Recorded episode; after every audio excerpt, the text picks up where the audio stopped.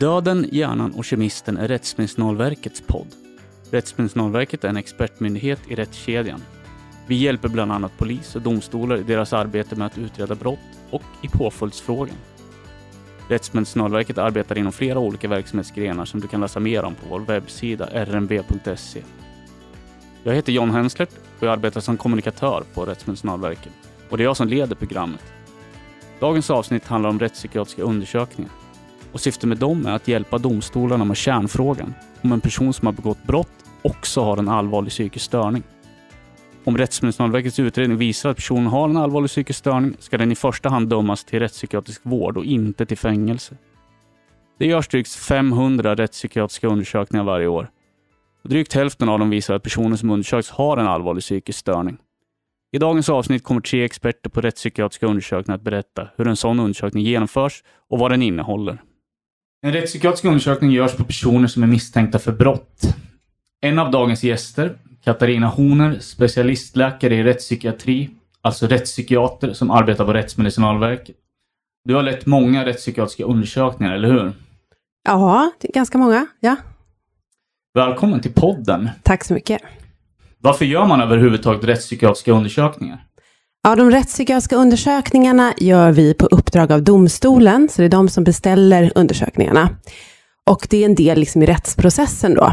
Och vi gör lite olika typer av rättspsykiatriska undersökningar. Dels någonting som kallas paragraf 7-undersökningar, som kommer lite tidigare i rättsprocessen, som är en första så att säga, screeningundersökning. Och sen finns det då en större, mer omfattande rättspsykiatrisk undersökning som leds av rättspsykiatriker, men där man också arbetar med hjälp av ett team med experter från andra yrkesgrupper.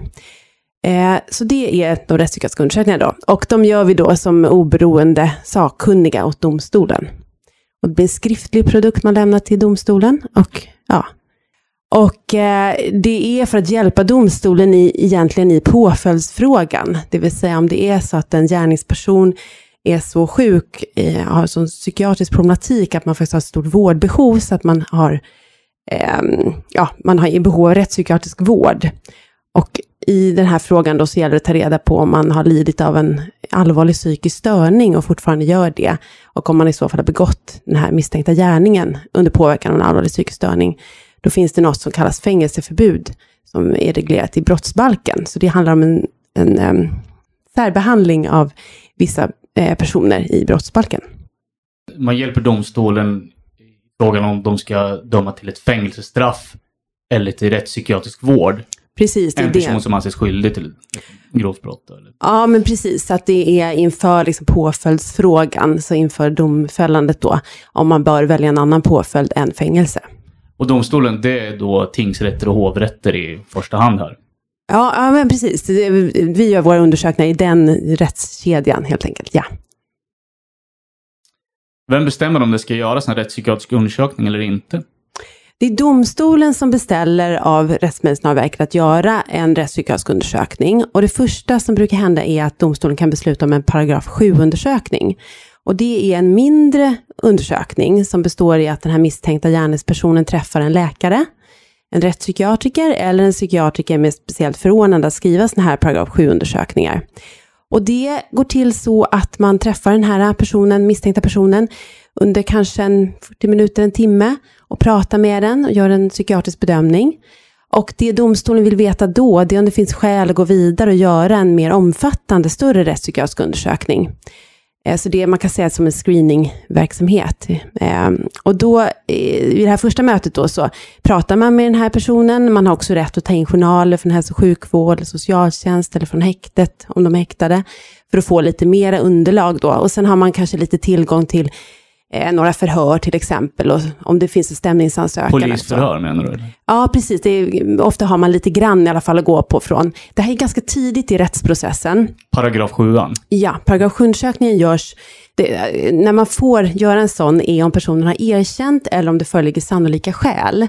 Så då har man inte kommit lika långt i rättsprocessen. Så ibland görs det väldigt tidigt. En person som erkänner kan komma jättetidigt.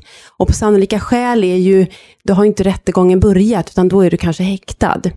Eh, så att oftast är underlaget ganska magert, eller inte säkert det finns så mycket. Men beroende på vad det är för en person, då är det ju olika lätt eller svårt att avgöra om man ska rekommendera domstolen att beställa en, en stor undersökning. En rättspsykiatrisk undersökning genomförs inte bara av rättspsykiatern, utan det är ett helt team av specialister som genomför undersökningen. Och vi har med oss ytterligare två då, sådana specialister här idag. Det är Malin, Malin Pauli, psykolog. Ja, stämmer bra. Och Ulrika Hagård, Stämmer också bra. forensisk socialutredare. Yes. Välkomna! Tack. Tack. Ni arbetar ju också på Rättsmedicinalverket, precis som Katarina här. Och alla tre, Malin, Katarina och Ulrika, ni har varit med som experter i mängder av sådana här rättspsykiatriska undersökningar som vi gör här på Rättsmedicinalverket. Och en sak som är viktigt att tydliggöra är att det finns två kategorier som genomgår den här undersökningen. Och det handlar om de som är häktade, som alltså är misstänkta för brott, och sen de som är misstänkta för brott, för brott men som inte är häktade. Själva den rättspsykiatriska undersökningen har samma syfte oavsett om den som undersökt, undersöks är häktad eller inte. Men hur går det undersökningen till? Mm, eh, kan berätta lite då om de som eh, undersökts fast som inte är häktade. Och då är det så att vi brukar träffa dem i hela teamet eh, på den rättspsykiatriska utredningsenheten normalt sett. Ibland kan vi träffa dem på andra ställen också. Men de genomgår den här utredningen under sex veckors tid istället för fyra för de häktade då. Så vi har lite längre tid på oss och eh, vi deltar alla under de här samtalen med dem. Det kan vara att vi träffar dem vid ett tillfälle eller vid ett par. Det kan röra sig om eh, en hel dag eller en halv dag eller liknande. Så att det och de beror... kommer till enheten där ni jobbar då på bestämda tider? Normalt sett är det så, om inte vi besöker dem. Det kan till exempel gälla personer som redan är intagen för psykiatrisk tvångsvård på en vårdenhet. Då kan vi åka dit och träffa dem, som exempel. Så att eh, det, det är ungefär samma procedur som för de som är häktade, förutom att de inte är på avdelningen. Eh, och vi kanske inte har lika många samtal, men det kan vara lika må många antal timmar som vi träffar dem, fast lite mer komprimerat då. Ja, om vi tar de som undersöks som är häktade då. De, de lever och verkar på, på avdelningen där ni jobbar då? Stämmer. De är intagna på vår vistelseavdelning då. Och så har de sina egna rum och en gemensamhets utrymme. Kan, kan, man berätta, kan ni berätta någonting om hur ja, de liv de lever när de bor här på avdelningen i tre, fyra veckor? Man kan väl säga att det liknar ganska mycket en psykiatrisk vårdavdelning. Eh, I det hus där vi sitter, där vår vistelseavdelning finns, så finns det också Eh, Region Stockholm har rätt, den rättspsykiatriska kliniken i Stockholm.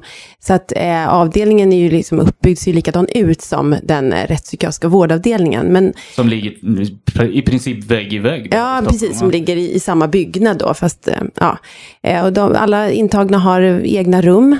Eh, och det är enkelrum och de har toalett och dusch på rummet. Och som sagt, de är ute och går på avdelningen som det ser ut på en psykiatrisk avdelning. Om de inte har restriktioner som eh, alltså, åklagaren har bestämt. Alltså de inte får delta med andra.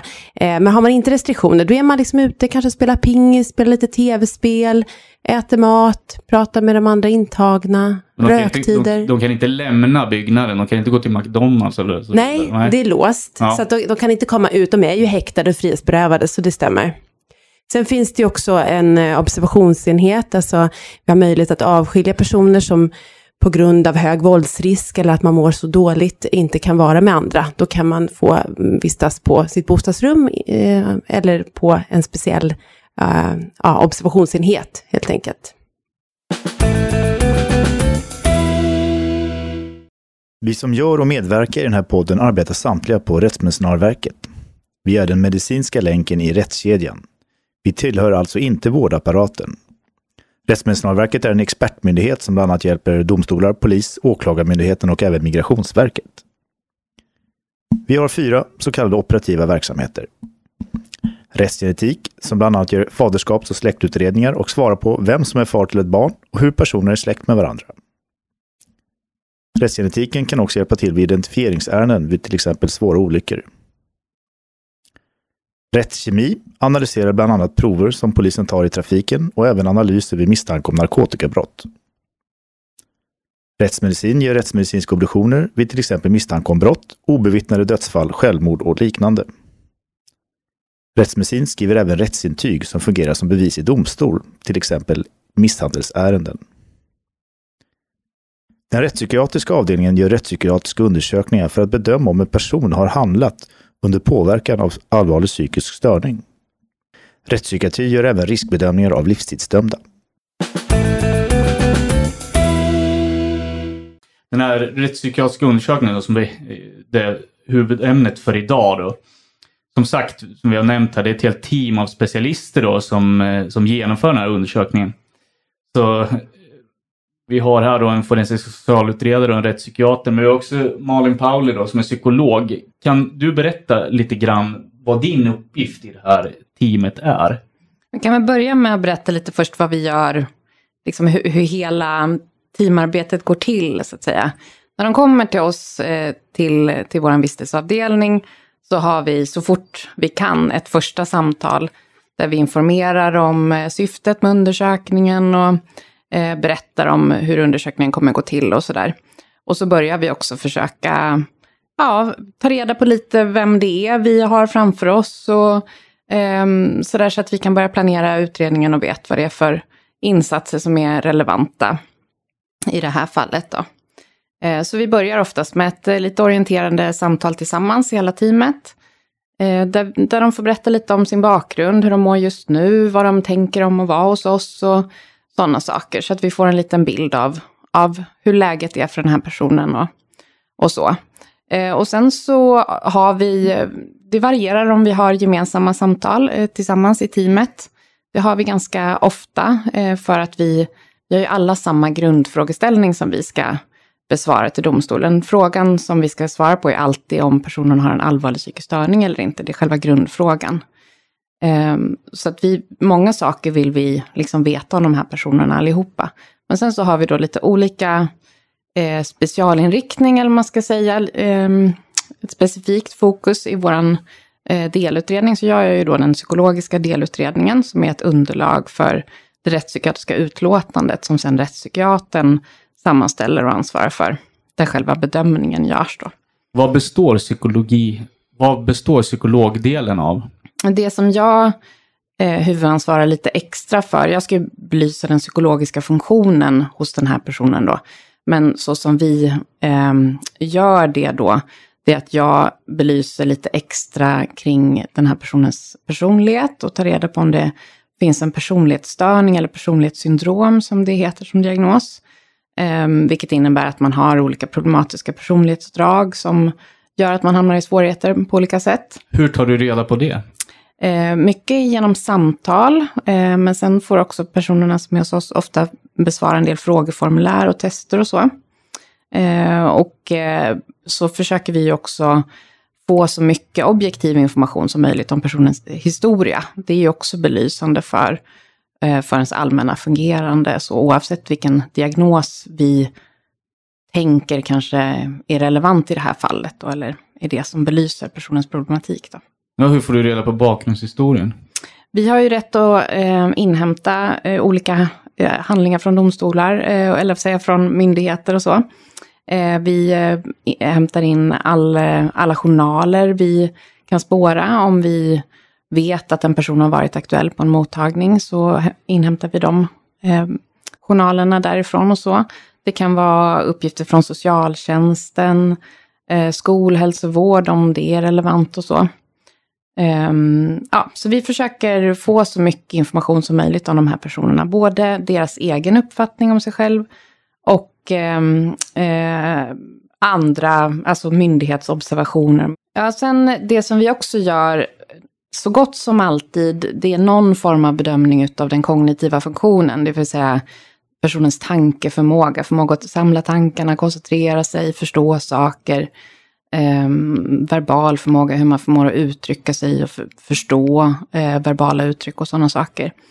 Eh, och ibland så är det så att man bara konstaterar att det här är inte ett problemområde för den här personen och då lägger vi inte så mycket fokus på det. Men för vissa så är det det som blir huvudfokuset i utredningen. Om det till exempel är en person med en intellektuell funktionsnedsättning, då är det viktigt att vi eh, tar reda på det och också försöker förstå hur svår den här funktionsnedsättningen är. Eh, så, så då gör vi olika tester helt enkelt. Mm. Vad för typ av tester? Det är begåvningstester oftast och sen har vi andra, beroende på frågeställning, andra mer specialinriktade tester då som ska belysa olika typer av funktioner. Vi har också ibland eh, personer där det är demens som är eh, frågeställningen, om det här är en, en demens. Eh, och då blir det mycket minnestester och sådana såna tester som är relevanta då när man gör en demensutredning. Men när du ska sammanfatta din del av den här, hela den här utredningen och psykologidelen, hur gör du det? Vad är det du tar med? Ja, jag, alltså jag fokuserar ju då mycket på, på just de, de kognitiva funktionerna, begåvningsmässiga funktionerna, eh, personlighetsmässiga fungerandet som kan handla om hur man hanterar känslor, hur man hanterar relationer, hur man eh, kan hantera frustrationer och stress och, och sådana saker. Eh, så det är ju mest det som jag fokuserar på då, när jag sen skriver ihop min delutredning. Ulrika Hagård, du är forensisk socialutredare. Så vad är det du borrar och ger svar på i, i utredningen? Ja, jag ska ge svar på om en person har en eh, psykosocial, eller rättare sagt personens psykosociala funktionsförmåga vid gärningarna och vid tiden för undersökningen. Vad är psykosocial? Exakt, det är en väldigt eh, svårgenomträngligt begrepp, så jag ska försöka förklara det lite bättre. Eh, det är helt enkelt hur en person fungerar i vardagen, till exempel med arbete eller om man har någon annan typ av sysselsättning. Eh, hur man fungerar i sociala relationer, hur, om man förstår värdet av eh, pengar eller klarar av att sköta sin ekonomi och sköta ett hem och så vidare. Och det är ju primärt då att titta på eh, huruvida en psykisk ohälsa eller dysfunktion på något sätt har lett till en funktionsnedsättning. Och i sånt fall om den graden av nedsättning talar för då det som vi säger, eh, eller är slutprodukten, det vill säga om det talar för en allvarlig psykisk störning eller inte. Hur tar du reda på de här sakerna? Som eh, Malin berättade så tar vi hjälp av eh, diverse handlingar och journaler. Det är inte helt ovanligt att vi pratar med referentpersoner eh, för att titta på hur fungerandet har varit. Och det har ju, man får titta på funktioner. Referentpersoner, alltså jag vet inte vad det är. Eh, personer som känner de här eh, individerna som vi utreder bra. Det kan vara allt ifrån lärare, arbetskamrater till anhöriga eller eh, några andra betydelsefulla personer som har kunnat se hur de har fungerat i livet.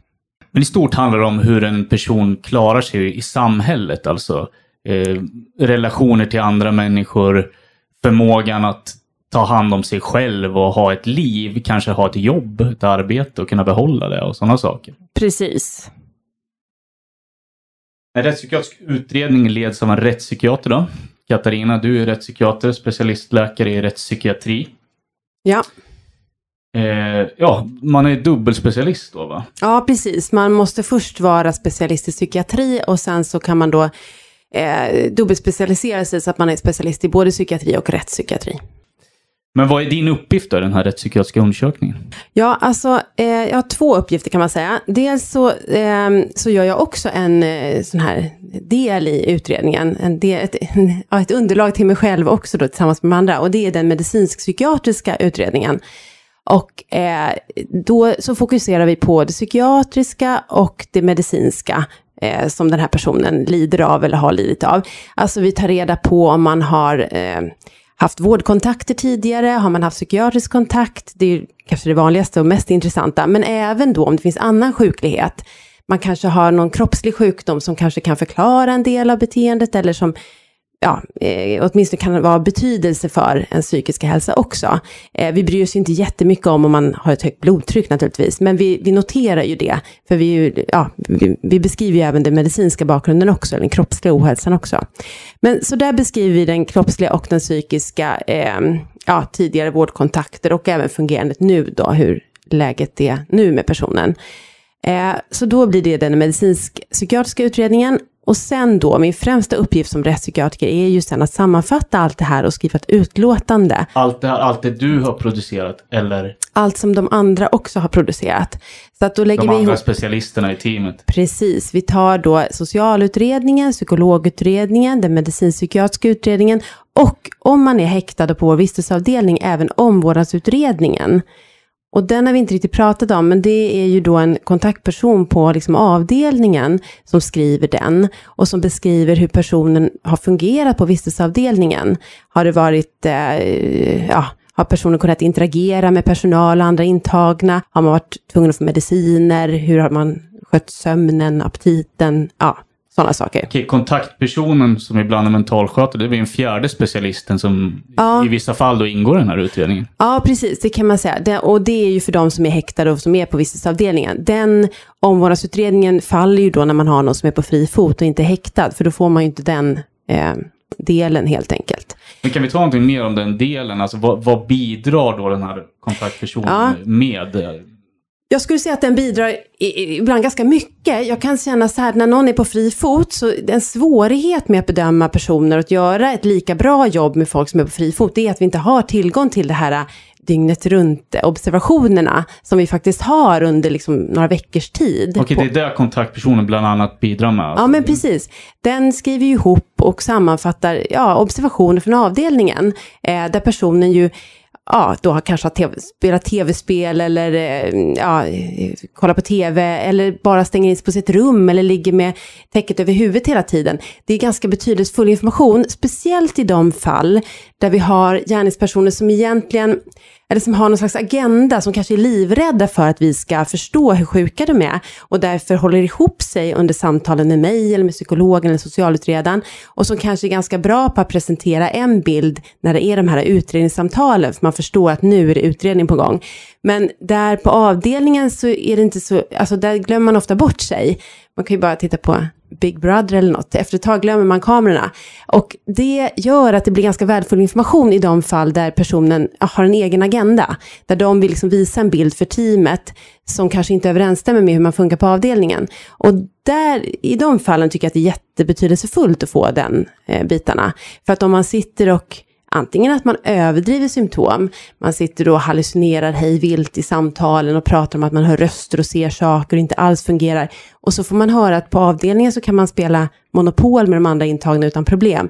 Då säger det någonting. Och det omvända förstås. Någon som sitter och är ganska sammanhållen i samtal och inte säger så mycket, som sen visar sig inte alls alltså, prata med sig själv eller skrattar högt på rummet och inte sover och sådana saker. Återigen, det verkar vara sam, samvaron med, med medmänniskor alltså runt omkring. Det avslöjar ganska mycket om en Ja. person i, i en sån här utredning då. Jo, men det kan man säga. Det, det, hur man relaterar till andra, hur man beter sig mot andra blir ju förstås viktigt. Ofta är det ju också det som kanske är, ställer till det för personen, på olika, av olika skäl då, men att det blir så. Ja, men så att utlåtande sen då som rättspsykiatriken sammanfattar, då gäller det då att eh, besvara domstolens frågor kring då om den här personen har begått den här misstänkta gärningen under påverkan av en allvarlig psykisk störning, om personen fortfarande lider av en allvarlig psykisk störning och om personen har eh, behov av rättspsykiatrisk vård. Mm. viktigt att komma ihåg att skuldfrågan lägger vi oss inte i. Skuldfrågan är så att säga avgjord när man kommer till oss. För att eh, de rättsliga förutsättningarna för att kunna göra en rättspsykiatrisk undersökning, det är att det föreligger övertygande bevisning för att den här personen har gjort sig skyldig till det här. Eller att man har erkänt, då är skuldfrågan också avgjord. Eh, så det är ingenting vi bryr oss om, eller bryr oss om, vi, vi tar inte ställning till det, utan det är avgjort. Vi utgår från att det här som har hänt, som domstolen säger att ja, man har kommit fram till övertygande bevisning, så är det. Så det, är- det är Som inför vi- val av påföljd som vi kommer in i bilden. Det är då för att hjälpa domstolen i vägledning om det här är en person som bör särbehandlas juridiskt eller inte. Är det olämpligt med fängelse? Är det lämpligare med rättspsykiatrisk vård som påföljd? om den här rättspsykiatriska undersökningen då, som ni alla utför här, om den finner att den misstänkta har en allvarlig psykisk störning, en så kallad APS, på, på vilket vis är den här personen störd? Ja, du menar vad, vad, som utgör en allvarlig psykisk störning? Ja, det är inte en specifik diagnos då som man kan koppla till det här begreppet, utan det är ett juridiskt begrepp som innefattar olika tillstånd då. Ofta handlar det om bristande verklighetsuppfattning, alltså psykotiska tillstånd. Det är väl liksom urtypen för APS-begreppet. Att man har eh, svårigheter med att tolka sinnesintrycken och svårigheter att eh, förstå omgivningen och att man så att säga lever i en annan verklighet. Okej, Psykotiska. så APS är inte en diagnos, Nej. det är en juridisk term. Ja, precis. Men det måste ju finnas en diagnos i bakgrunden här. Ja, ja, alltså så här, olika diagnoser och tillstånd kan räknas in som ett sånt här allvarligt psykiskt tillstånd, eh, allvarlig psykisk störning. Eh, men det är viktigt att komma ihåg att det inte är kopplat till en specifik diagnos. Däremot är det så att kroniska psykossjukdomar, till exempel schizofreni, det, det är så att säga Lider man av schizofreni och har vanföreställning, hallucinationer, då är det på något sätt urtypen för en allvarlig psykisk störning. Så att, eh, då, då kallas det för en allvarlig psykisk störning. Men det finns andra begrepp också som är eh, andra tillstånd som också eh, kan utgöra en allvarlig psykisk störning. Ja, till exempel då eh, ja, maniska tillstånd, att du har ett förhöjt stämningsläge så att du till och med tappar kontakt med verkligheten. Det är ett sådant tillstånd. Eh, djup depression med hög självmordsrisk brukar också kallas in i det här. Och då är det viktigt att komma ihåg att det räcker inte med, det är många personer som är deprimerade som har självmordstankar. Och det är inte det man menar, utan man menar när det går över att det faktiskt finns en hög risk. Ofta handlar det kanske om att man har i försök, alltså man kanske har tagit livet av sina barn och sen ska ta livet av sig själv och misslyckas med det och överlever. Då kan det vara ett sånt tillstånd. Eh, sen finns det vissa svårare, eh, alltså väldigt svår intellektuell funktionsnedsättning kan ibland eh, hamna där. Och utifrån det vi hörde när Ulrika pratade också om den här eh, funktionsnivån, så kan den ibland vara så låg att man kan ha så mycket problem av olika slag. Personlighetsstörning, personlighetssyndrom, eh, kanske något neuropsykiatriskt, alltså det finns väldigt mycket runt den som gör att man har en väldigt dålig funktionsnivå. Då kan det också leda till att det sammanvägt blir så att säga fråga om en allvarlig psykisk störning. Så svaret till domstolen kan ibland bli nej, den här personen har inte en allvarlig psykisk störning. Men personen kan ändå vara störd. Absolut. Ulrika? Det, det stämmer helt eh, överens med vad du säger. Eh, man, jag skulle vilja säga att det är väl ungefär drygt 95 personer som genomgår en rättspsykiatrisk undersökning som anses eh, eller bedöms ha någon typ av psyk psykisk eller psykiatrisk diagnos. 95 procent? Ja, så att man kan ha eh, till exempel eh, personlighetssyndrom eller man kan, eh, kan ha en högfungerande autism eller liknande. Men att man inte anses bedöm- ha en allvarlig psykisk störning. Exakt. Man når inte upp till graden allvarlig psykisk störning så att man ska få tvångspsykiatrisk vård. Det stämmer. Precis, att när man läser i media om att ah, den här personen var, inte, var, var, frisk, bara för att vi inte sagt att man har allvarlig psykisk störning, så stämmer inte det. Vi har inte alls sagt att någon är helt frisk. Man kan vara väldigt, väldigt störd på en massa sätt. Man kan ha massa sjukdomar, massa diagnoser, utan att komma upp i det här juridiska begreppet allvarlig psykisk störning. Själva tanken med att göra de här undersökningarna är ju just att det ska finnas en misstanke om psykisk sjukdom eh, och misstanke om att den psykiska sjukdomen är så allvarlig att den skulle kunna vara en allvarlig psykisk störning. Det är hela poängen med den här paragraf, paragraf 7-undersökningen som ofta görs först, att ta ställning till när det är relevant. Så att det finns ju alltid en misstanke om psykisk sjukdom när de kommer till oss. Okej, men för att en störning då ska bli allvarlig psykisk störning, vad behöver finnas med i kontexten, alltså i sammanhanget här? Ja, alltså, eh, eh, eh, det var, den enklaste förklaringen är ju bristande verklighetsförankring, alltså att du har en, en annorlunda verklighetsuppfattning. Eh, men, men det finns andra tillstånd som också kommer in, där det kan en väldigt uttalad tvångsmässighet, att du har svårt att, att göra på ett annat sätt. Ja, men att du, att du har så, så stora brister i eh, impulskontroll, att du liksom inte kan reglera ditt beteende alls. Eh, att du, ja, du kan inte styra du är liksom ett offer för, för dina impulser eller för ditt tvång eller Eh, eller så.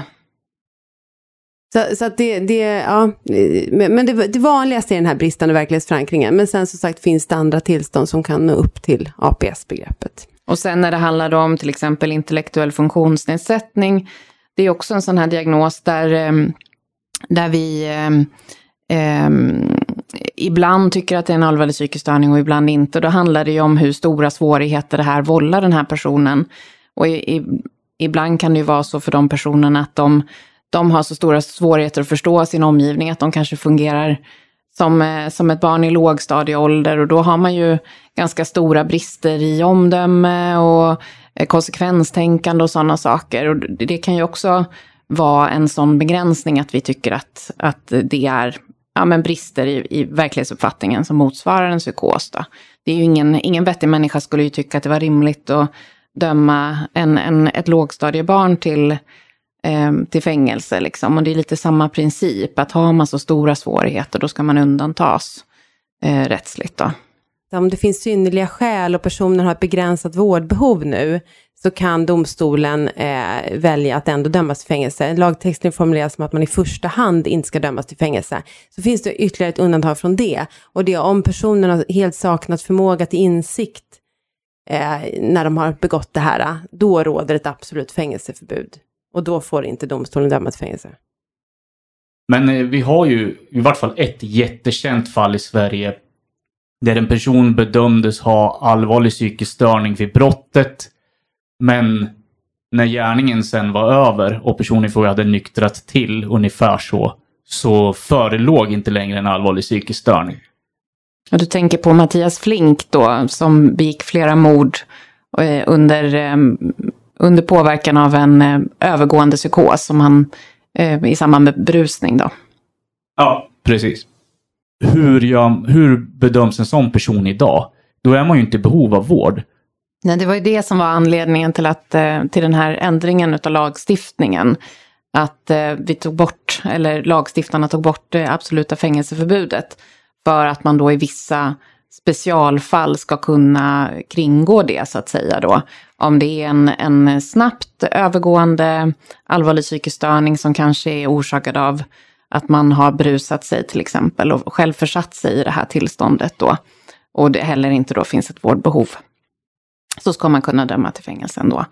Och det hänger ju ihop med att det ska vara på något sätt proportionerligt den här påföljden då. Man begår ett väldigt allvarligt brott eh, och sen då inte kan få någon påföljd så är inte det riktigt önskvärt ur, ur lagstiftarens perspektiv eller allmänhetens rättsuppfattning.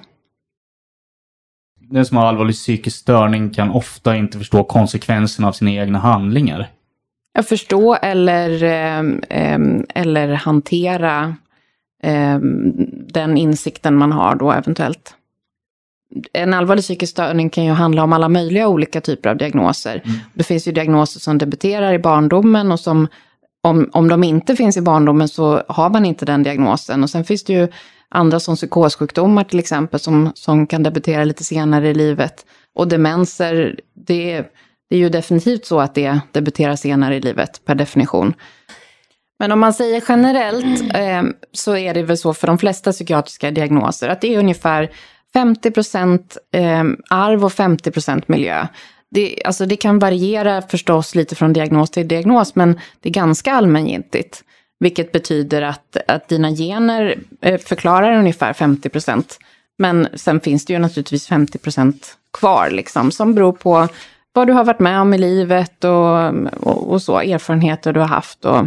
En del i det här, vi, vi ser ju väldigt många som har också ett, ett parallellt missbruk, eller som har haft det. Och ett missbruk, ett narkotikamissbruk eller liknande kan ju så att säga göra att man eh, hamnar i något som vi kallar för drogpsykoser då.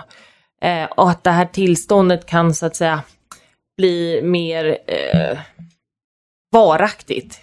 Eh, så att det till slut så att säga tippar över till en psykossjukdom. Dessutom är det ju så att vi, vi ser att de flesta som vi träffar har ju varit eh, påverkade av någon substans när de har begått det här brottet. Och många, väldigt, väldigt många har ju ett missbruk. Så att det förklarar ju också eh, varför just Alltså de flesta personer med motsvarande psykiska svårigheter hamnar ju inte hos oss. Eh, men för att begå brott så är ju, är ju alkohol och droger en riskfaktor. Själva gärningen då, spelar den ingen som helst roll i sammanhanget? Självklart har den en stor betydelse för vår bedömning. Vi ska ju göra en bedömning av hur det psykiska tillståndet ser ut vid tiden för gärningen och också då titta på gärningsbeteendet. Så att även om vi inte lägger oss i så att säga självaste skuldfrågan eller rubriceringen eller så, så är det viktigt att analysera vad var det som hände och varför hände det? Hur skulle man kunna förklara det och förstå det? Ni pratar om att ni har samtal med de här intagna, eller de här personerna som utreds. Vad ger de här samtalen? Vi försöker ha samtal med alla som går att ha samtal med. En del är i sånt skick att det är väldigt svårt att ha några längre samtal. Men vi försöker ju när det går att, att prata med dem. Och då beror det ju på. Vi brukar, vi brukar ha något gärningssamtal där vi faktiskt går igenom gärningen eller gärningarna, där vi försöker fokusera på det. Ibland fokuserar man ju på bakgrunden. Vi kan inte bedöma en person utan att träffa dem själva och få deras syn på sig själva. Så, ehm, så det, det är ju det är det allra viktigaste för oss, att träffa de här personerna och, och se hur de Eh, förhåller sig till oss och vad, vilken information som kommer fram och så. Det är ju det absolut viktigaste och det roligaste tycker jag också med att jobba med de här undersökningarna. Att, att träffa de här personerna och försöka förstå dem och, och ja. Sen får man ju vara för, förberedd på att de kan också vägra säga någonting. Ligga i sin säng och säga gå härifrån, jag vill inte träffa dig. Till de som jättegärna vill medverka i utredningen och, och prata. Ja, så så att det, man, man kan möta alla typer av personer och vilja att delta och medverka i utredningen.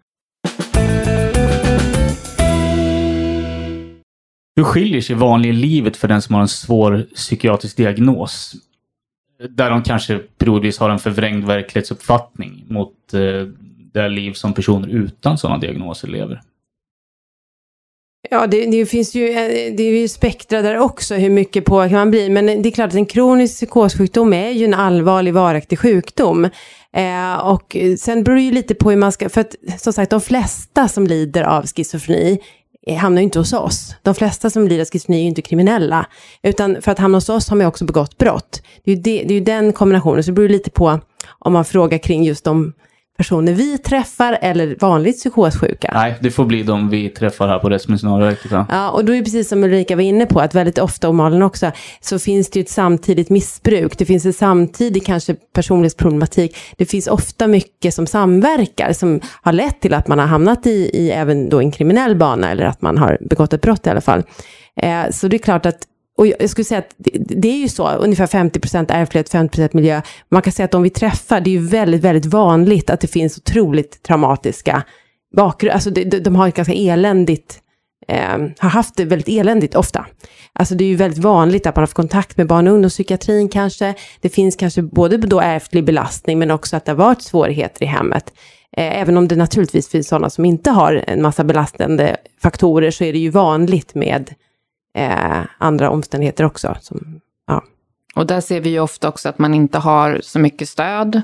Eh, man har ett dåligt socialt nätverk och så som, som för andra då blir, är skyddande. Att man har till exempel föräldrar som kan hjälpa och stötta en eller syskon eller, eller vänner och så. Att det här är människor som, som är ganska utsatta i samhället.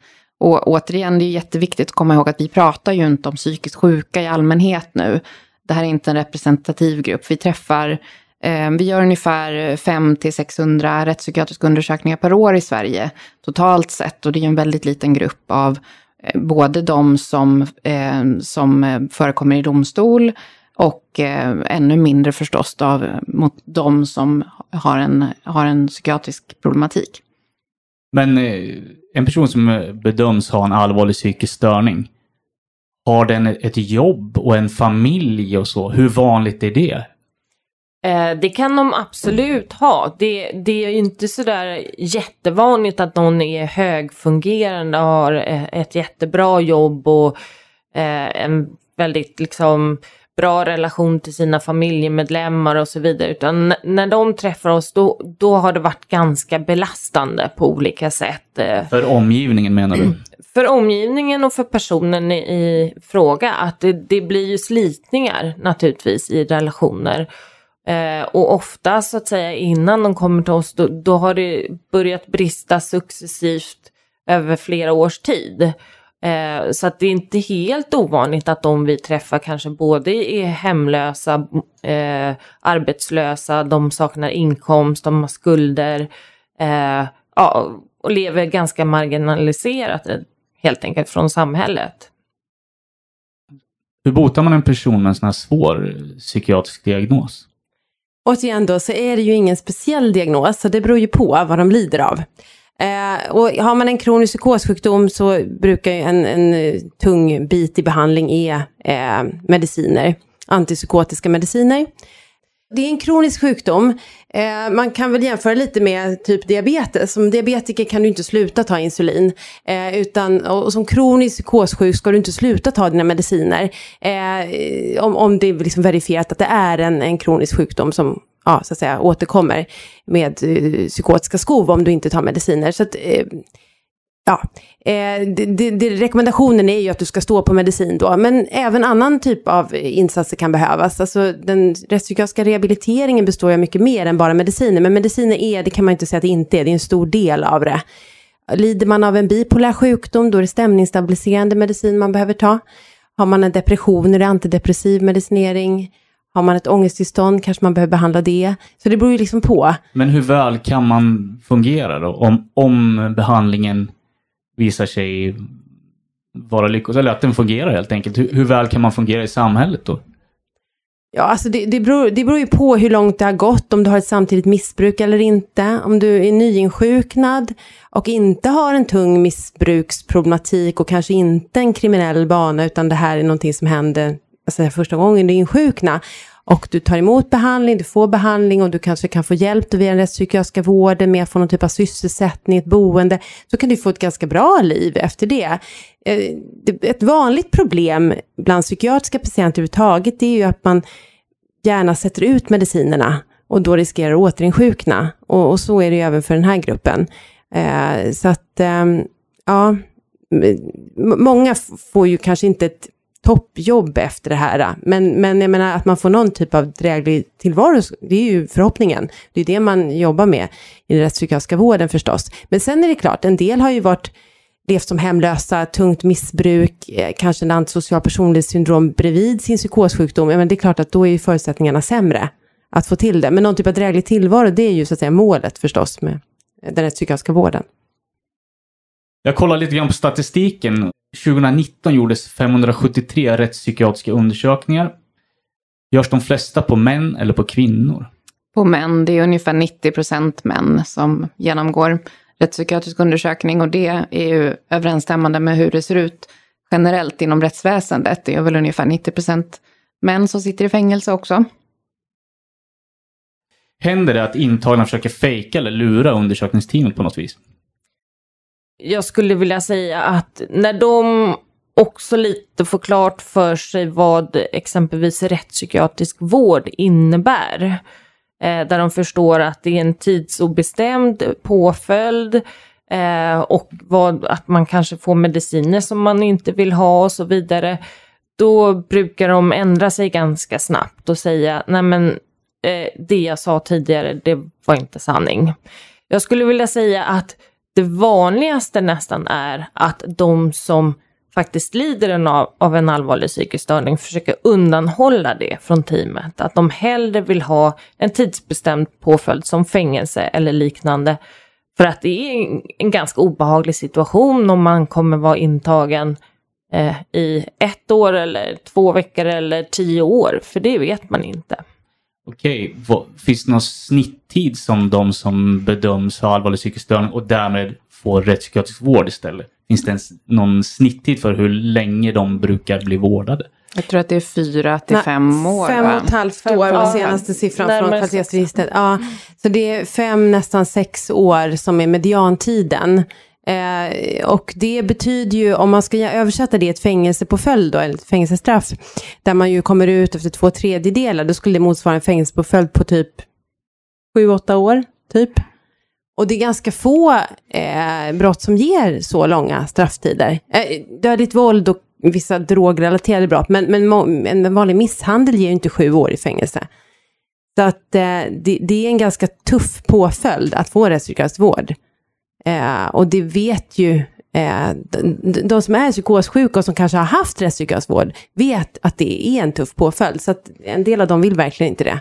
Och många, många som också lider av psykossjukdom har ju också kanske en bristande insikt i sin problematik. Alltså tycker inte att de är sjuka, kanske tycker att de är missförstådda av läkare och vården och vill absolut inte ha mediciner. Och då kan det också bli väldigt knepigt.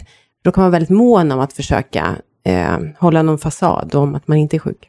Men säg att man döms för snatteri. Då.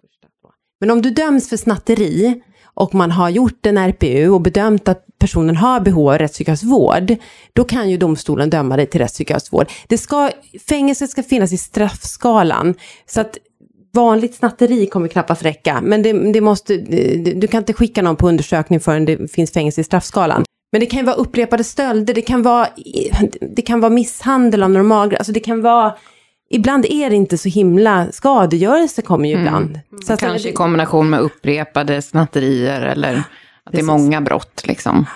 Så att det kan bli väldigt, väldigt tufft. Du kan bli sittande väldigt många år för en förseelse som om du hade fått fängelse hade varit ute för länge sedan. I övrigt när man gör juridiska bedömningar så har man ju en proportionalitetsprincip. Att, att straffet ska vara, eller påföljden ska vara proportionerlig till det till det brott du har begått. Men den, den principen faller ju för de här personerna. Så de särbehandlas eh, också i negativ bemärkelse kan man säga då, utifrån deras perspektiv.